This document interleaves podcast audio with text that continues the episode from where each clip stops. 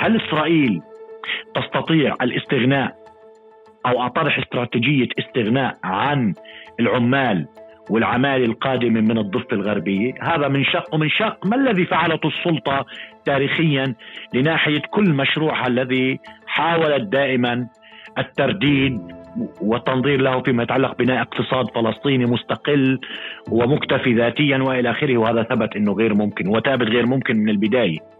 ولكن إحنا اليوم نعم نتحدث عن ظروف صعبة في ال في ال فالموضوع لا ما له علاقة في قضية 7 أكتوبر. قضية 7 أكتوبر هذا طارئ. نعم راهن. ولكن ما هو الشكل اللي تم الاشتغال عليه وهندست فيه مجتمع الضفة الغربية لدرجة وصل أن يعتمد بشكل أساسي في على اقتصاده فيما يتعلق في العمالة ودخول العمال إلى الأراضي إيه، عام 1948 من شان تتحرك عجلة الاقتصاد. يعني إحنا نتحدث اليوم عن بطالة تفوق ال 41% سلام. معكم طارق طه بحلقة جديدة من بودكاست الأسبوع في عرب 48 بهاي الحلقة بعد 125 يوم من الحرب على غزة نطرح تساؤلات عن الضفة الغربية عن المزاج العام عن النفسية العامة لشعبنا الفلسطيني في الضفة الغربية المحاصرة اللي إسرائيل بتفرض عليها إجراءات عقاب جماعي بتمنع عمالها وابنائها من الخروج إلى العمل بتمنع أبناء الضفة الغربية من التحرك بين المحافظات بحرية. بتمنع الحركة الاقتصادية بتقتحم بتعتقل بتقتل أبنائها بدم بارد. بدنا نطرح تساؤلات سياسية اقتصادية واجتماعيه في ظل هذا السياق مع الكاتب والباحث في التاريخ الفلسطيني علي حبيب الله. لنبحث عن إجابات لهي التساؤلات. كونوا معنا. يلا.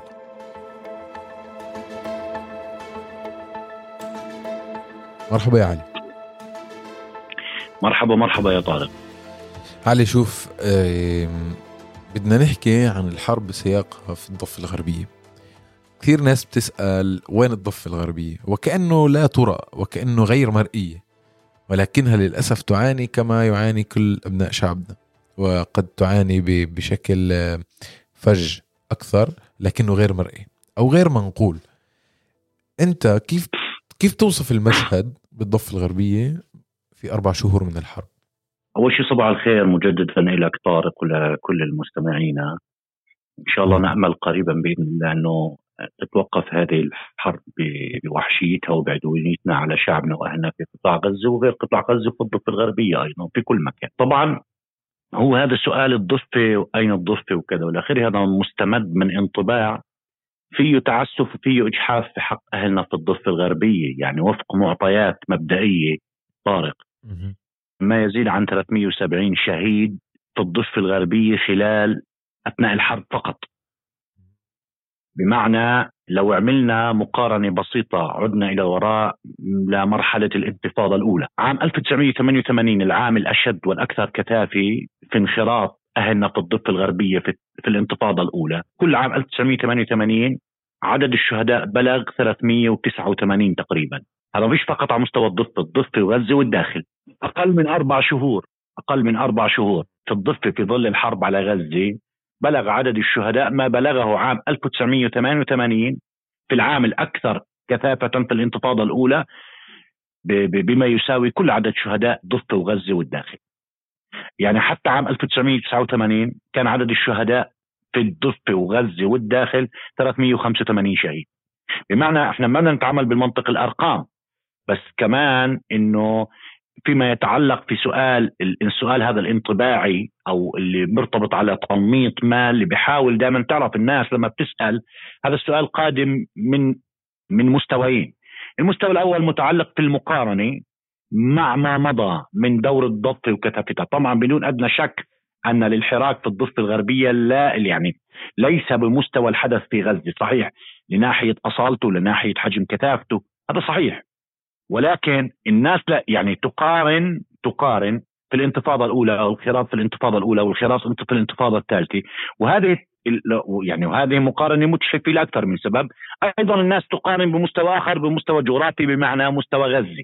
الآن هون في مسألتين طارق. المسألة الأولى إنه لو عدنا للانتفاضة الأولى والثانية بنلاقي إنه الانتفاضة الأولى كان الاحتلال الإسرائيلي منخرط تماما في إدارة شؤون الضفة الغربية مدنها وقراها وعلى تماس مباشر فيها بما أتاح للناس المشاركة الشعبية الواسعة. تتذكر كان رمي الحجارة رفع العلم الفلسطيني والكتب على الجدران وكل ذلك الكتاب على الجدران. كل ذلك أتاح للفلسطينيين كتافي ذات طابع أكثر شعبي في الانخراط، الأهم من هذا كلياته إنه لم يكن هنالك سلطة ذاتية أو سلطة محلية تحاول يعني تعمل على الحيلولة دون انخراط الناس في العمل المقاوم أو في مواجهة الاحتلال.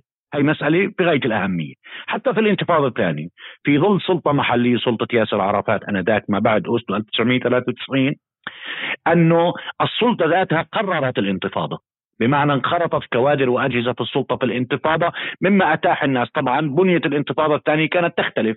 تختلف لناحية إنها كانت أقل شعبية وأكثر عنفا وأكثر قوة لناحية إنها أخذت دور فيها الفصائل المسلحة للكفاح المسلح وبالتالي اخذت طابع أكثر طابع تنظيمي مسلح.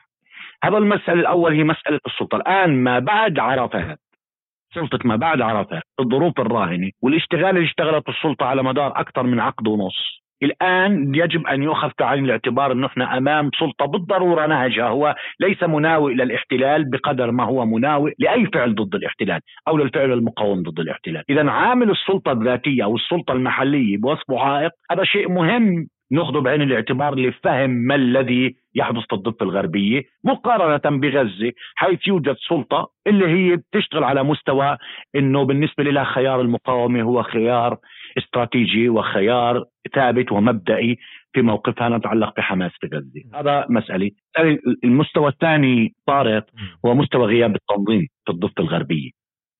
يعني إذا رجعنا للانتفاضه الأولى والانتفاضة الثانية وانخراط الضفة الغربية لا بل الضفة الغربية بوصفها كانت نقطة ارتكاز ومصدر إشعاع لقيادة هذه الانتفاض الانتفاضتين. بنلاحظ أنه التنظيمات كانت بكامل عافيتها استطاعت أن تقوم بدور مهم لناحية النفس والمواجهة المفتوحة مع الاحتلال. أنت بتعرف العمليات الفردية أو الخلايا المسلحة هنا وهناك أو الحراك الشعبي اللي هو المتقطع. هذا في ظل غياب التنظيم لا يخدم عمل مفتوح ومواجه بشكل مباشر. لا يخدم يعني لا يستطيع. وبالتالي اللي حدث في الضفة الغربية في المرحلة الأخيرة في العقد الأخير في العقد ونصف الأخير إنه جرى تجريف كل البنية التنظيمية التي ممكن أن تعمل على تمكين المجتمع الفلسطيني الأهلي في دوره في مواجهة الاحتلال وسياسة الاحتلال أو لا الفعل ضد الاحتلال بكافة مستوياته بكافه أشكاله، وبالتالي إحنا نتحدث عن سلطة محلية ذاتية ومستوى ثاني هو المستوى المتعلق في غياب التنظيم، هذا ما يفسر هذا ما يفسر بمعنى كما لو أننا نستطيع أن نقول طارق بأنه هذا هو الشكل الشكل الذي باتت عليه الضفة الغربية يعني هذا هو الشكل التي تستطيع أن تنتطق به الشكل الضفه الغربية، لأنه في سياسات مرت في أكثر من عقد ونص تم الاشتغال عليها في ظل سلطة بالنسبة لها خيار المواجهة مع إسرائيل أو خيار مقاومة مقاومة الاحتلال غير مطروح. وبالتالي لم يكن غير مطروح فقط غير مطروح والعمل ضمن ما يعرف بالتنسيق الأمني على وئد ومواجهة كل فعل يريد أن يخرج عن أجندات السلطة وخياراتها اللي كانت تتعلق في المفاوضات علما بأنه كل أجندة السلطة سياسيا قد وقعت وانتهت بلا رجعة فيما يتعلق في حلم الدولتين، فيما يتعلق في مسار المفاوضات، فيما يتعلق وشوفنا في الأمور في المرحلة الأخيرة إحنا وين وصلنا، هذا هذا هذا بفسر بفسر لماذا؟ بس هو هذا الإشكال. يعني هو هذا السؤال. مش إنه أين الضفة الغربية. لماذا لا ترى الناس أين الضفة الغربية؟ يعني لماذا لدى الناس هذا الانطباع؟ هذا الانطباع متولد من مأزق المقارنة المقارنة على المستوى التاريخي والمقارنة على المستوى الجغرافي. على المستوى التاريخي بالانتفاضة الأولى والثانية وعلى المستوى الجغرافي في غزة. وبالتالي هذا وفي شغلة هون طارق مهم جدا إنه أصلا ما قبل 7 أكتوبر كانت الضفه في حالة اشتباك وفي حالة مقاومة يومية دائمة على مدار أكثر من سنتين على مدار منذ ما بعد سيف القدس. بمعنى إذا إحنا بنرجع لاعتداءات المستوطنين ومواجهتهم كنا بنتذكر أحداث بيتا كنا بنتذكر أحداث حواره العمليات العسكرية اللي كنا نشوفها في في في مناطق مختلفة في المخيمات الفلسطينية سواء في طول كرم أو في عقب الجبل في أريحة، وبالتالي أصلا الضفة الغربية منخرطة في عمل مواجه للاحتلال ما قبل 7 أكتوبر، الآن زخم الحدث في 7 أكتوبر، هوله، مباغته، جعل ما يحدث في في الضفة الغربية على هامش ذلك، ولكن مع ذلك الضفة الغربية في حاله ولكن بعدين ما شفنا طارق يعني كيف سلوك الإسرائيليين وسلوك الاحتلال اتجاه أي فعل في الضفة الغربية. بخصوصا في الطيران. بس في الطيران للبيوت وللمخيمات وللمواقع اللي فيها ناس خلايا مسلحة وغير ذلك. علي أنا لا أنت طرحت النقطة لأنه سؤال يسأل لدى لدى بعض خلينا نقول عندهم في ناس عندها نوايا حسنة بالسؤال في ناس عندها سوء. نية بالسؤال لكن السؤال طرح لأنه لازم نسأله وفعلا هذا الجواب اللي مهم. أنا برأيي نسمع أنه حدث أو هول حدث 7 أكتوبر طغى على مشهد الحراك في الضفة الغربية المستمر أو المتواصل منذ سنتين واللي أصلا إسرائيل مش مهدي بال للضفة ولا لمخيماتها من سنتين وكأنه في اشتباك متواصل يوميا. فأصبح غير مرئي وكأنه في ظل اللي عم بيصير بغزة. لكن أنا هون بدي أروح للسؤال علي اللي من خلال إجابتك بدي أتطرق له شوي للسلطة الفلسطينية. بما إنه السلطة اليوم هي عايشة بواقع اللي فيه بدي أتعايش أو بدي أتصالح مع الاحتلال أو بديش يعني بديش أقارعه من ناحية. من ناحية ثانية أنا شايف إنه في سلطة أخرى بغزة بتقارع الاحتلال وبتواجهه عسكريا. أنا كسلطة بالضفه كيف حساباتي لازم تكون؟ هل إنه شايف أنا مزيد من التنازل راح يجيب لي أمن واستقرار؟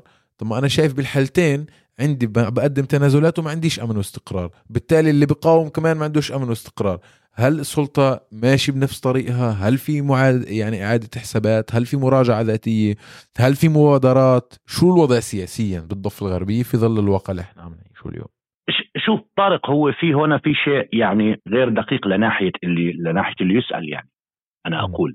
بأنه بمعنى التنازلات ومهادنه الاحتلال يجلب الأمن والاستقرار وأيضا مواجهة الاحتلال هو في لا هنا في شيء مسألة أساسية.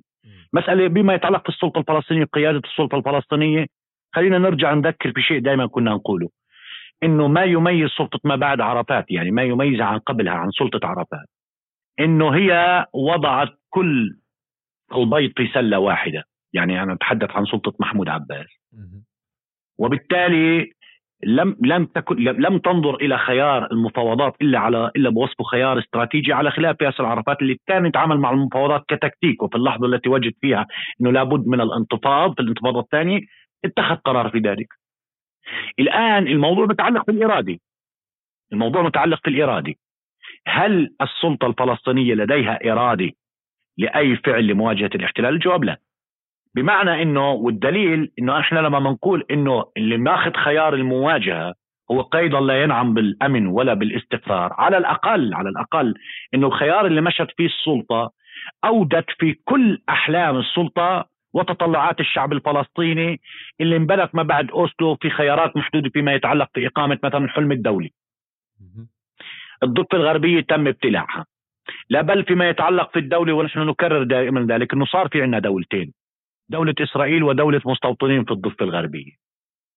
إلى درجة أنه العرب ذهبوا في خيار التطبيع مع إسرائيل وكأنه قضية فلسطين مش موجودة بمعنى كانت السلطة هي بدون أن أرادت وإن لم ترد ذلك كانت راعية لمشروع تصفية القضية الفلسطينية. الآن 7 أكتوبر يتفق من يتفق مع 7 أكتوبر أو يختلف مع من يختلف 7 أكتوبر بوصفه عمل عسكري وليس حديثنا هنا في السياق العسكري إلا انه 7 أكتوبر أحيا القضية الفلسطينية، السؤال ليس متعلق في الامن والاستقرار، في ظل وجود الاحتلال، في ظل وجود الاحتلال لا يمكن أن تنعم بالهدوء والاستقرار، ولكن هذا المسار المختلف الذي اتخذ في غزة أعاد قضية فلسطين إلى الواجهة على المستوى الإقليمي وعلى المستوى العالمي، هذا هو الفرق، الآن الآن لا بل إنه 7 أكتوبر أعاد للسلطة الفلسطينيه السلطه الفلسطينية اعتبار إذا تملك إرادة هي لفعل ما أو لأخذ دور ما في هذه المرحلة. بمعنى ما قبل 7 أكتوبر مين كان يفطن بالسلطة الفلسطينية؟ طارق.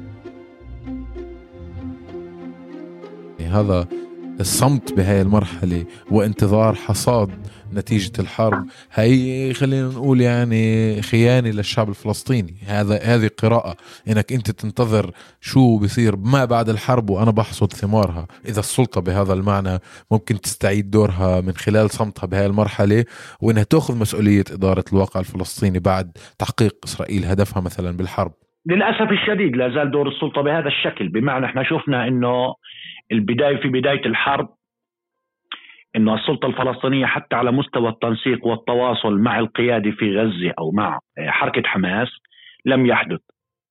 بمعنى إنها أشبه بأي موقف يعني أشبه بموقف كثير من الأنظمة العربية. الآن الانتظار الانتظار اللي هو ما يعرف بغزة في اليوم التالي يعني كل كل كل سياق هذا أو كل نهج اليوم التالي. إذا السلطة الفلسطينية الآن إذا كانت تملك إرادة إحنا بنقول وبنكرر إنه 7 أكتوبر أتاح لها أن يكون لها دور، السؤال شو هذا الدور؟ إذا دور الانتظار ستظل السلطة وتعيد إنتاج نفسها، لا بل لن تسلم السلطة الفلسطينية ذاتها في المرحلة المقبلة، لأنه طارق لازم نتذكر إنه مسار الانتقام في الرد على 7 أكتوبر كمسار انتقامي لن يقف عند غزة فقط. إنما سيكون الرد مكثف وممنهج وممأسس أكثر على مستوى الضفه لناحيه تقويض السلطة أكثر مما هي مقوضة. طبعا السلطة من سنوات لا تملك يعني لا يعني ليس لديها أي دور سياسي إلا بوصفها تعطي غطاء لما يعرف بالتنسيق الأمني. هذا هو دورها اللي صفت عليه وهي تدرك وهي تدرك ذلك. كل هذا لم يعرف هذا الكلام. لأن لن تقف الأمور هنا ما بعد غزة بصرف النظر بصرف النظر عن ما ستكون عليه النتائج في غزة. تقويض السلطة أكثر مما هي وممكن تفكيكها هذا خيار واضح ومطروح أيضا لناحية شكل الخريطة السياسية الإسرائيلية والتحولات الصهيونيه الدينية اللي بالنسبة لها النظر للسلطه هناك تيار في إسرائيل ينظر إلى السلطة مع كل هذا الدور للسلطة. الدور التعاوني إلا أنه ما زال ينظر للسلطه بوصف عدو محتمل. لأن هذا خيار. اذا الضفة الغربية تكثيف الاستيطان ابتلاع ما يمكن ابتلاعه الحواجز القيود كل ما يتعلق في ذلك. إذا إذا السلطة يعني تعرف اللي بيقوله طارق من ينتظر سيخرجه التاريخ من حركته. بمعنى بهذا الشكل. وبالتالي الآن هنالك فرصة.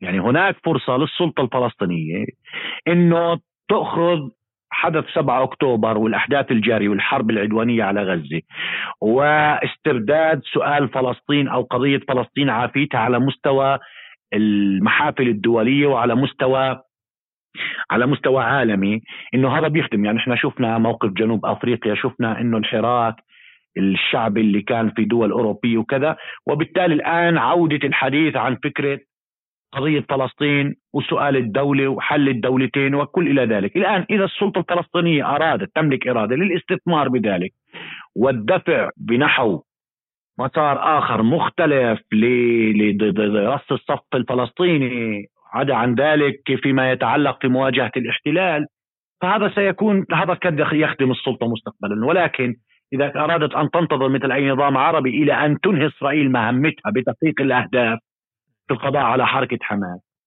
فلن تنعم السلطة إلا بمزيد من التقويض وإلا إلى حد يمكن تفكيكها فيه كمان. علي أنا عندي سؤال هيك بعرفش من رصدك للحالة الاجتماعية بالضفة الغربية.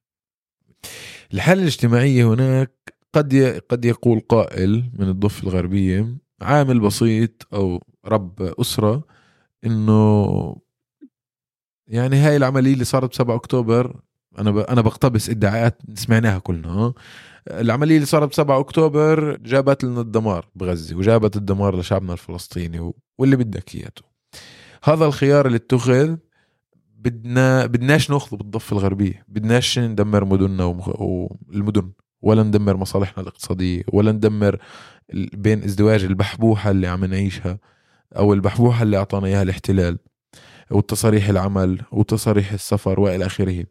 فبالتالي بدي أفهم منك شو نفسية الناس بمعنى إنه هل في خوف بمعنى إنه بدنا نصير أكثر لطيفين بدنا نتقبل واقع الاحتلال أكثر أم إنه في إصرار على واقع مقاومة الاحتلال؟ والله شوف خطاب نفسية الناس هذا البعد النفسي بالذات خصوصا انه طارق إحنا نتحدث عن أربع شهور من إيقاف كل تصاريح العمال كنا نتحدث عن 200 ألف عامل هذا موضوع العمال مسألة كثير مهمة موضوع العمال مش مجرد ناس بيقطعوا الحاجز وبيدخلوا إلى أراضي الداخل وبيشتغلوا في الورشات أو في قطاع الزراعة، ليس الوضع هيك، إحنا نتحدث عن 200 ألف عامل. إذا العامل ما اشتغل البلد ما بتشتغل في الضفة الغربية، لا المدن ولا القرى. ما بتتحرك، يعني أنا أتحدث هذا وأنا أعاين ذلك بشكل شخصي في عندنا في بيت لحم وفي بيت جيلا وفي هذه المنطقة. السؤال هو الناس طبعا بصير حكي إنه 7 أكتوبر خصوصا إنه الناس عم بتشوف هذه الوحشية والعدوان عدد الشهداء المهول غير مسبوق في ظل أربع شهور ما يقارب 30 ألف شهيد الدمار اللي لعب في غزة معاقبة الضفة الغربية باشكال مختلفة. ولكن فيما يتعلق في هذا الخطاب اللي بيتعلق في إنه خسرنا البحبوحة بمعنى نتعرض لعقاب هو ليس متصل ب 7 أكتوبر بقدر ما هو متصل بالشكل الذي هندست فيه الضفة الغربية في السنوات الأخيرة. هذه المسألة مهمة أعطيك مقارنة بسيطة. بجوز إحنا مش واعيين لهذه المرحلة. في عام 1990 1991 في نهايات الانتفاضة السنوات الأخيرة من الانتفاضة الأولى. هناك ما كان يعرف بحرب السكاكين. حتى في الأدبيات الإسرائيلية ما يعرف بحرب السكاكين، ما هي حرب السكاكين؟ حرب السكاكين هو العمليات اللي كان ينفذها العمال اللي كانوا يدخلوا إلى الداخل للعمل. بمعنى إنه العامل في ظل عمله في الداخل كان يشوف حاله جزء من فعل شعبي واجتماعي ونضالي ووطني يدفعه أحيانا إلى مهاجمة شو اسمه جنود الاحتلال في الداخل أو مهاجمة مستوطنين أو مهاجمه بصرف النظر عن الموقف يعني. ولكن بما معناه تتخيل أنت اليوم العامل الذي يرى بأنه هذا الوبال اللي جاء على 7 أكتوبر وكذا والى آخره، الآن أنت بتفهم هذا الكلام إنه ممكن بس السؤال هو مش قضية 7 أكتوبر، السؤال هو قضية شو الشكل اللي جرى فيه إنتاج الفلسطيني في الضفة الغربية، والشكل اللي هندست فيه الضفة الغربية في السنوات الأخيرة، يعني شو انشغل عليها؟ من ناحية إنه الناس ما كانت تعيش ببحبوح هذا كلام غير دقيق. الناس كان يسمح لها في تصاريح عمل ولكن على المستوى السياسي وعلى المستوى الاجتماعي وعلى المستوى اليومي ومش كان فيش في أفضل ظروف كانت شروط العمال يعني حين كانوا يدخلوا إلى الداخل ولكن أصلا كانت المواجهة وسقوط الشهداء والاقتحامات والقصف والقصف حتى ما قبل 7 أكتوبر. شفناه في مواقع مختلفة سواء كان في حريحة سواء كان في في نابلس سواء كان في طول كرم في مخيم جنين طبعا في الحمله اللي عملوها في العام الماضي. اذا إحنا نتحدث عن الآن الآن السؤال إنه فيما يتعلق في هذا مهم مسألة دور العمال. قلت لك لأنه الموضوع ما بيتصل في العمال لوحدهم بيتصل في البنية المعيشية والاجتماعية اللي متعلقة في الضفة الغربية. ليش طارق؟ تحدث عن 200 عامل 200 ألف عامل تقريبا. يعني هنالك ما يقارب المليون فلسطيني في الضفة الغربية مرتبط معاشهن في عملية التصريح والدخول إلى الداخل للعمل. يعني هناك مليون فلسطيني بيعتمدوا في معاشهم على دور هؤلاء العمال ودخولهم للداخل لقطاع العمل. الآن في مستويين في معنى أن إسرائيل في أكثر من مرة كان في محاولات طبعا في اختلاف في داخل الخريطة السياسية الإسرائيلية سواء كان في الحكومة أو حتى في مجلس الحرب وتحديدا في الحكومة فيما يتعلق في إعادة منح الفلسطينيين التصاريح للدخول لسوق العمل. لماذا؟ لأنه طبعا قطاع البناء وقطاع الزراعة عماله بتضرر وهنالك خسائر وكلفة عالية بسبب النقص في الأيدي العامل. الآن في منطق أمني بيحاول دائما الصهيونية الدينية تحديدا أن تركز عليه ودائما ترفض منح أي تصاريح فيما يتعلق في الأمن فيما يتعلق أنه أصلا 7 أكتوبر شارك فيه عمال بيشتغلوا في الداخل من ال 17 ألف عامل اللي منحوا تصاريح في السنوات الأخيرة من غزة. وهنالك طبعا تقارير أمنية بتتحدث إنه اقتحام المستوطنات في 7 أكتوبر كان مبني على معلومات جزء منها كان مستوحى أو مستوفى من عمال قدموها لأنهم بيشتغلوا في داخل المستوطنات. وبالتالي تحاول دائما هنالك تيار في إسرائيل يحاول التذرع بذلك بإن العمال هن خطر محتمل دائم. ولكن هذا مستوى مستوى آخر اللي أنا بعتبره الأدق. فيما يتعلق بأنه يجب معاقبة الفلسطينيين أينما كانوا وتحديدا في الضفة الغربية وخصوصا العمال إنه أي فعل مناوئ إلى الاحتلال أو أي شيء أو أي بنية أو حاضنة مساندة لفعل مقاومة الاحتلال سيكون هذا هو الثمن. مشان هيك بتصير تسمع هذا الكلام اللي بنم على نفسية متعبة ومنهكة في ظل ظروف اقتصادية اللي بتحاول تقرع فعل 7 أكتوبر بأنه وهذا هو ما تدفع له ولكن بالمحصلة إنه في تاريخ فيما يتعلق في دور العمال وسؤال العمالي سواء في الانتفاضة الأولى أو في الانتفاضة الثانية أو في الأحداث اللي كانت حتى على مستوى قبل سنة, سنة ثلاث سنوات فيما يتعلق في موضوع الكورونا يعني. هل إسرائيل تستطيع الاستغناء أو أطرح استراتيجية استغناء عن العمال والعمال القادمة من الضفة الغربية، هذا من شق ومن شق ما الذي فعلته السلطة تاريخيا لناحية كل مشروعها الذي حاولت دائما الترديد والتنظير له فيما يتعلق بناء اقتصاد فلسطيني مستقل ومكتفي ذاتيا وإلى آخره وهذا ثبت إنه غير ممكن وثابت غير ممكن من البداية. ولكن إحنا اليوم نعم نتحدث عن ظروف صعبة في ال في ال فالموضوع لا ما له علاقة في قضية 7 أكتوبر. قضية 7 أكتوبر هذا طارئ. نعم راهن. ولكن ما هو الشكل اللي تم الاشتغال عليه وهندسه في مجتمع الضفة الغربية لدرجة وصل أن يعتمد بشكل أساسي في على اقتصاده فيما يتعلق في العمالة ودخول العمال إلى الأراضي عام 1948 من شان تتحرك عجله الاقتصاد، يعني إحنا نتحدث اليوم عن بطالة تفوق ال 41% طارق بالضفة البطالة اليوم. في الغربية. طارق حرفيا. يعني أنا أنت بتشوف البلد. البلد عم بتسكر فيها مصاري يعني خذ بلد زي بيت لحم. هي تعتمد على مسألتين بشكل أساسي. تعتمد على السياحة وما في سياحة. وبتعتمد على العمالة أنت بتتحدث عن هذا الحاجز اللي إحنا بنسميه حاجز رحيل اللي بمر منه شارع القدس الخليل اللي بربط ما بين دحم مدينة القدس. هذا بمر منه ما لا يقل عن 30 ألف عامل يوميا. يعني كل عمال منطقة الجنوب بيت لحم الخليل قسم كبير منهم بمر عبر هذا الحاجز. هذا الحاجز الآن فيما يتعلق فيه للمركبات دخول وخروج المركبات إلى اليوم مغلق. فنعرف إنه اللي بيسأله نرجع للإجابة على السؤال اللي بدأنا منه طارق أين الضفة الغربية؟ منذ بداية 7 أكتوبر الدو... الاحتلال فعل كل منظومات وكل تقنيات اللي بتحيل الناس وبتذكرهن للانتفاضة الثانية سواء تفعيل إغلاق الحواجز الكبرى. الحواجز اللي هي على التماس مع المدن في الداخل. البوابات الإلكترونية والبوابات الداخلية. يعني أعطيك مثال طارق. غير الحاجز اللي قلت لك رحيل اللي هو مغلق أمام حركة مرور المركبات سواء خروجا ودخولا من بيت لحم إلى القدس. أيضا هنالك حواجز. طبعا الحواجز اللي حاجز شارع النفق اللي بيؤدي من بيت صفافة القدس بيت صفافة إلى الخليل. هذا حديد أو سو أو سو أو ما يسمى بحاجز الولجي اللي بمر من قرية الولجي وبروح على المالحة. هذه حواجز مفتوحة لأنه في مستوطنين بمروا منها. ولكن على الاحتلال فعل حواجز داخلية هي تم فتحها منذ ما بعد الانتفاضة الثانية منذ ما بعد عرفات ولكن جرى تفعيلها في سياق 7 أكتوبر والآن ما بيقدر ابن, جي ابن يعني في قيود على الحركة اللي عايش في بيت جلا أو في بيت لحم ما بيقدر يوصل الحاجز لأنه في حاجز تم تفعيله للحواجز الداخلية. الآن يعني إذا قارنت تاريخيا في موضوع موضوع السؤال العمالي والعمال أها. والسؤال العقاب بمعنى اليوم إسرائيل تعاقب العمال عقابا جماعيا في الضفة الغربية على 7 أكتوبر وتعتبر إنه كل فلسطيني متهم. إذا قارنا ذلك تاريخيا قلنا لك في الانتفاضة الأولى. في الانتفاضة الأولى كان العامل يرفض الخروج للعمل بوصفه هو الذي يعاقب الإسرائيليين. وإذا ما خرج محتمل إنه يقوم في أي فعل اتجاه الإسرائيليين. بالاعتداء بالضرب بأي فعل مناوئ. بمعنى إنه العامل كان يشعر حاله إنه هو اللي بيعاقب لا يريد الخروج إلى العمل. يريد أن يعاقب الإسرائيليين. لماذا؟ لأنه أنا ذاك كان بيعتبر الناس كانت الناس لا زالت متمسكة بثوابتها وبحقوقها السياسية غير مستعدة على مقايضة أو المساومة على حقوقها السياسية بحقوقها المعيشية. وبالتالي العمال كانوا يعاقبوا الإسرائيليين في الانتفاضة الأولى.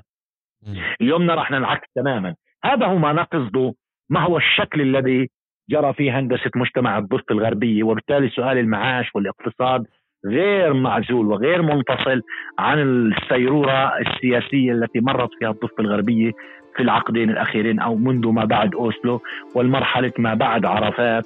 اللي صرنا في الشكل اللي صار العامل بالنسبة لي مستعد أن يتنازل عن كامل حقوقه السياسية أن يشطف يديه منها.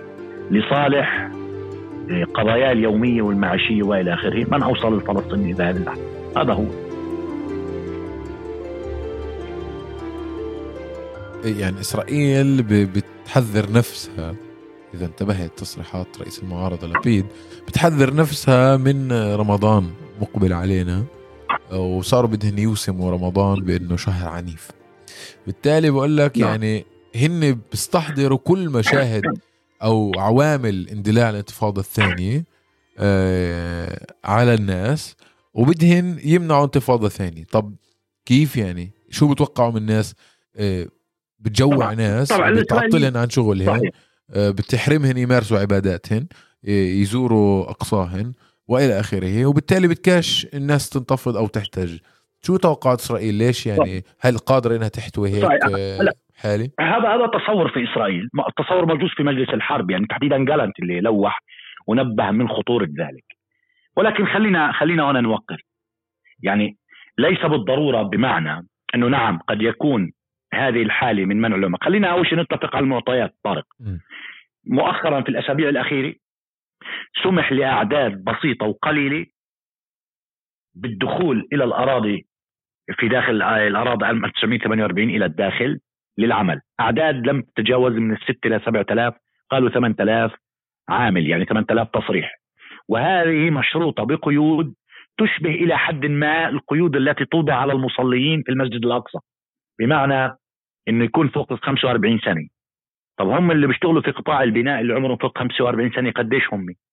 هذا واحد. اثنين طبعا يكون عنده سجل أمني بتعريفهم نظيف وفي قطاعات محددة من العمل وإلى آخره. ولكن نتحدث عن ما يقارب 190 200 ألف عامل لم يمنحوا التصاريح عشان نأخذ بعين الاعتبار كمان المعطيات طارق.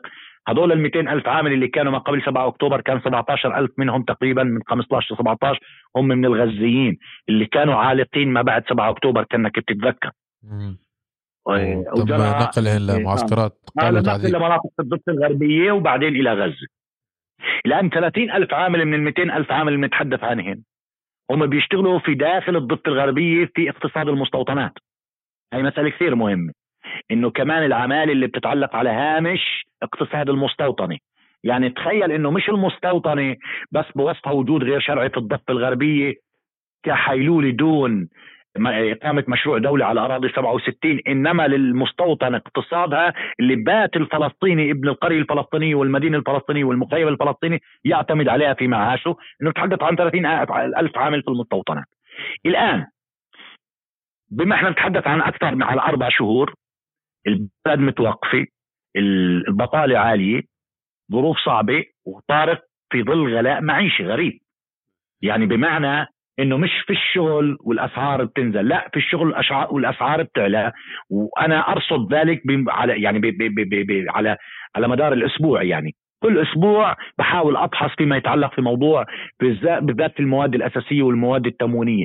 هنالك أحيانا بعض أسعار السلع وصل للضعف إلى لما كان عليه قبل 7 أكتوبر. الآن في ظل غياب التنظيمات اللي أنا كنت أتحدث عنه هل بالضرورة يعني إذا بده يجي علينا رمضان وإحنا بنعرف شو التزامات رمضان وبالنسبه للناس قديش مهم الموضوع وإلى آخره وانها وإنه حركة العمال وما في شغل. إلى أين يدفع ذلك؟ ذلك قد يدفع إلى التصعيد نعم. واصلا التصعيد قائم في الضفة الغربية في مواقع مختلفة. ولكن أيضا هذا يمكن أن يكون ارتداد سلبي على المستوى الاجتماعي في داخل مدن وقرى الضفة الغربية من ناحيه الخروج عن القانون والجنوح اللي بتعلق في السرقات والسطو المسلح لأنه بدينا نسمع عن ذلك. سطو على محلات تجارية على مصا على محلات مصاغ الذهب سرقات وإلى آخره. يعني في غياب التنظيم في ظل غياب تنظيم ينظم هذا الظرف اللي بمر فيه العمال بتمر في الضفة الغربية. ممكن الأمور تفلت وتأخذ طابع فوضوي. ليس بالضرورة أن تنفجر الأمور باتجاه الاحتلال وسياساته لأنه الاحتلال عم بيمارس ما يسمى بالعقوبة الجماعية. بس هنا خليني كمان أنا لو أنوه لمجموعة ملاحظات آه، طارق. إسرائيل تحاول الاستغناء. هنالك خط أو توجه يحاول الاستغناء عن عن العمال الفلسطينيين. الآن أنا بالنسبة لي لو سألتني بقول الإشكال بنيوي لناحية كيف تحول الاقتصاد الفلسطيني وجرى هندسته وهندسه مجتمع الضفة الغربية لدرجة إنه يعتمد في معاشه وفي لقمته على العماله في الدخول إلى الداخل والتصاريح. وهذه التصاريح بترتب عليها مجموعة من الشروط الأمنية ذات طابع ابتزاز. يعني قلت لك العمال اليوم اللي يسمح دخولهم اللي يسمح دخولهم دخولهم مشروط بمجموعة من الأمور بما معنيه إنه العامل أن يكون مناوئ لاي فعل. طبعا. لأن يحاول الاستعاضه يحاول الإسرائيليين الاستعاضه عن ذلك بأيدي عاملة أجنبية وآسيوية. طبعا لن يستطيعوا ذلك. طارق لماذا؟ لأنه كلفه العامل الأجنبي المستقدم والمستجلب من آسيا هي كلفه مضاعفة عن العامل الفلسطيني بالنسبة للمقاوم وبالنسبة للدولة. يعني هذا كمان المثل ما بحرث الأرض إلا عجولها. لا هو مش من مبدأ ما بحرث الأرض آه. إلا عجولها طارق.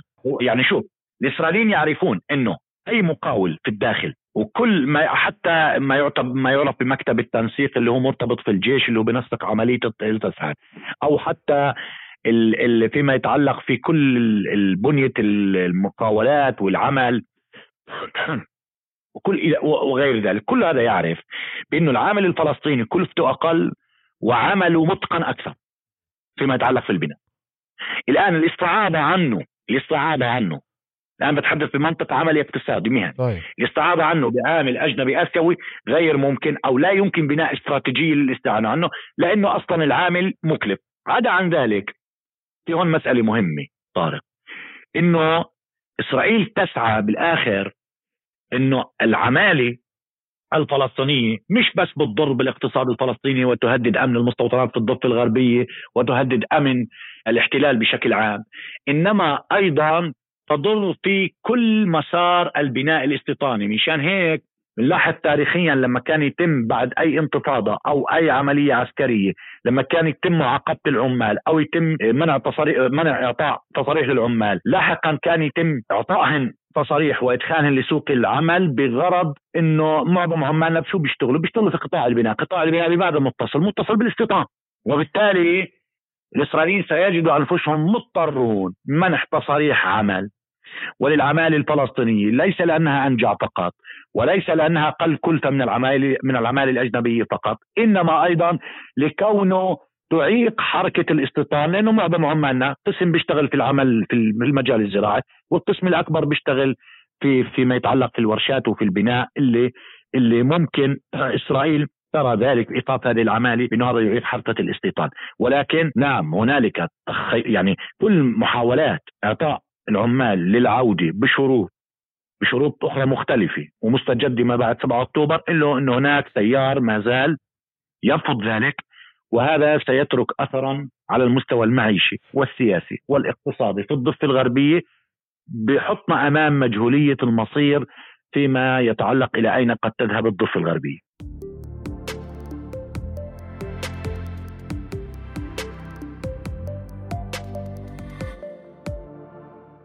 طيب علي هيك نقطة أخيرة قبل ما ننهي.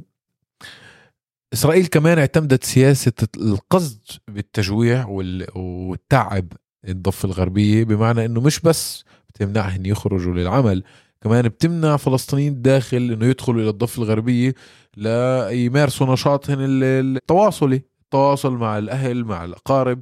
كمان التواصل تجاريا واقتصاديا والعلاقات الاجتماعية.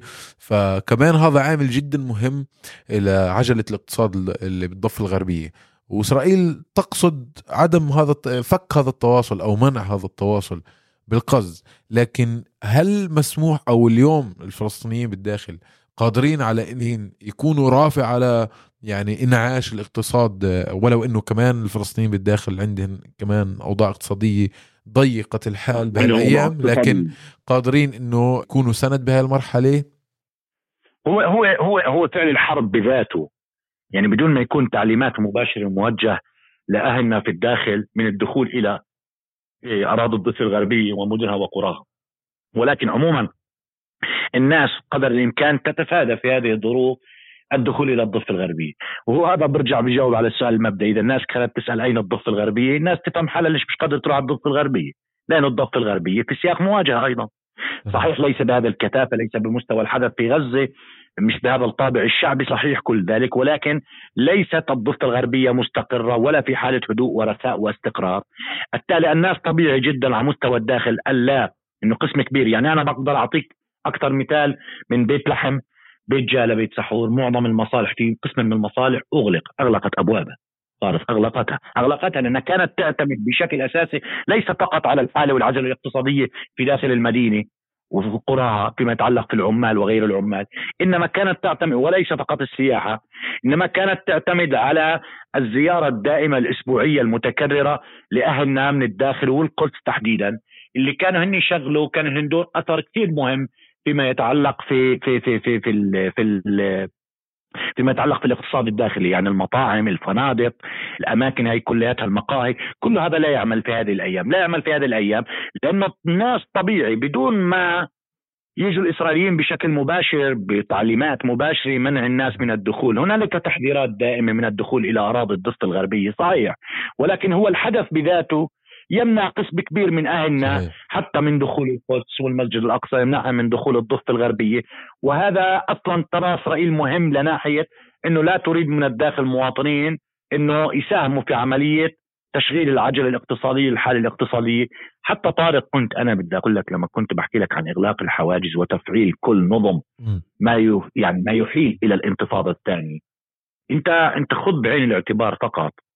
من الأسواق والبازارات اليومية التي كانت تقوم عند أبواب الحواجز في الضفة الغربية في مدن الضفة الغربية اللي هي متصلة تحديدا فقط مقامه من أجل حركة مرور العمال أثناء دخولهم وخروجهم. يعني خذ النقل العمومي هذا الآن متوقف، أنا بعطيك حاجز مثل حاجز رحيل اللي بيفصل القدس عن بيت لحم اللي هو الآن مغلق. لأن فيما يتعلق في المسلك اللي بيتم منه السير على الأقدام فتح مؤخرا يعني. فتح مؤخرا بعد المصادقة على إدخال مجموعة لا تحسب يعني من عدد العمال مجموعة صغيرة أعداد بسيطة الآن فتح. ولكن البازار هذا اللي تاريخي اللي كنا بنعرفه هناك الآن هو متوقف ومتعطل سواء كان النقل العمومي الأكشاك الخبز المواد التموينية اللي كانت هي فقط متصلة حتى سوق الخضار هناك والفواكه اللي كان متصل في العمال أثناء حركة خروجهم وأثناء حركة دخولهم، كل هذا معطل. الداخل طبيعي جدا الناس في هذه الظروف الا تدخل، يعني الناس ما بتتحرك، ما بتغادر.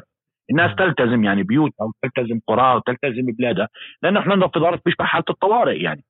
ولكن عموما إحنا يجب وضع الأمور في سياق فيما يتعلق سؤال انخراط الضفة الغربية في الأحداث. يجب أن يوضع هذا في سياقه. ما الذي طرأ على الضفة الغربية؟ على مدار سنوات طويلة. ما هو الاشتغال؟ ما هي الأدوات التي يتم الاشتغال عليها لإعادة هندسة مجتمع الضفة الغربية؟ يعني اليوم طارق من بيزرع بالضفة الغربية؟ يعني إحنا لما كنا نتحدث إنه 7 أكتوبر قطع رزق العمالي في ناس بيحكوا بهذه. خلينا نحطها بين قوسين هاي في ناس بيحكوا بهذا المنطق. هذا المنطق ممكن تعرف تعرف طارق بي لما بيقولوا يعني شخص الاستعانة بحقائق جزئية من أجل بناء كذبة كبرى. الآن هناك حقائق جزئية. 7 أكتوبر عطل حركة العمالي صحيح. بس هذا إذا كان العقاب الجماعي أو الظروف الصعبة المعيشية والقاهرة اللي صارت الآن تعاني منها أهل الضفه الغربية في المدن والقرى والمخيمات. هذا لا يوضع في سياق 7 أكتوبر. هذا يوضع في سياق هندسة المجتمع للحد الذي أصبح في معاشه واقتصاده يعتمد بشكل مباشر على عمالته وعلى منة التصاريح التي تقدم المشروطة التي تقدمها إسرائيل للناس. يعني هذه الطامة الكبرى. عشان هيك إحنا بنتحدث عن فشل السلطة وفشل كل المشاريع.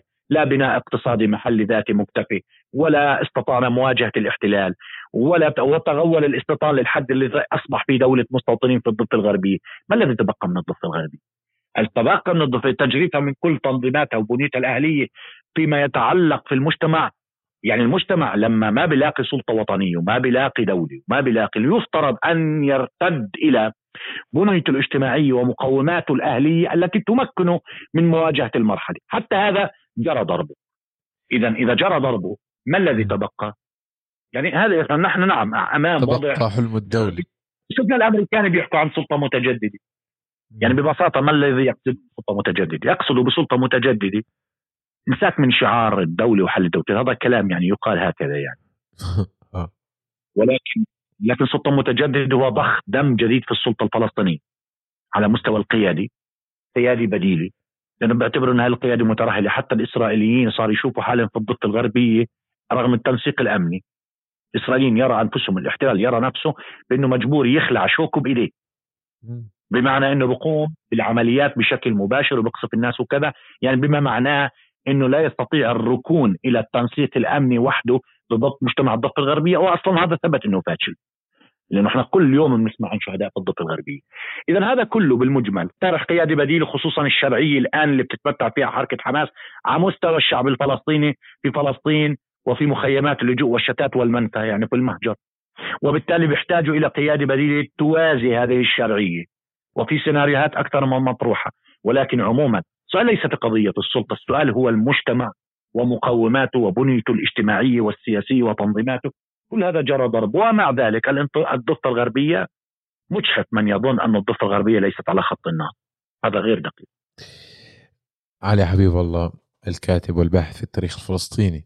بدي أتشكرك على هاي المداخلة المهمة وبتخيل في كثير نقاط يعني وأنت عم تحكي في كثير نقاط وتساؤلات عم تطلع معي براسي اللي بحاجة يعني نتطرق لها بس تعرف الوقت مش كثير بيساعدنا بهاي الظروف. أما علي شكرا كثير. مداخلة قيمة نرجو الأمن والأمان والحرية لشعبنا أينما كان. شكرا. شكرا شكرا طارق. شكرا يعطيك العافية.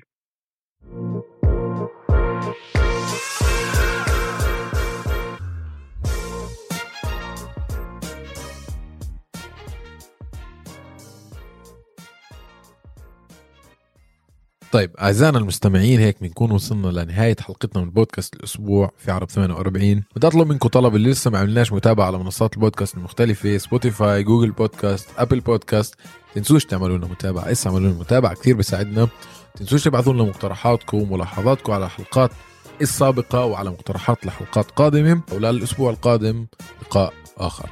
يعطيكم العافية.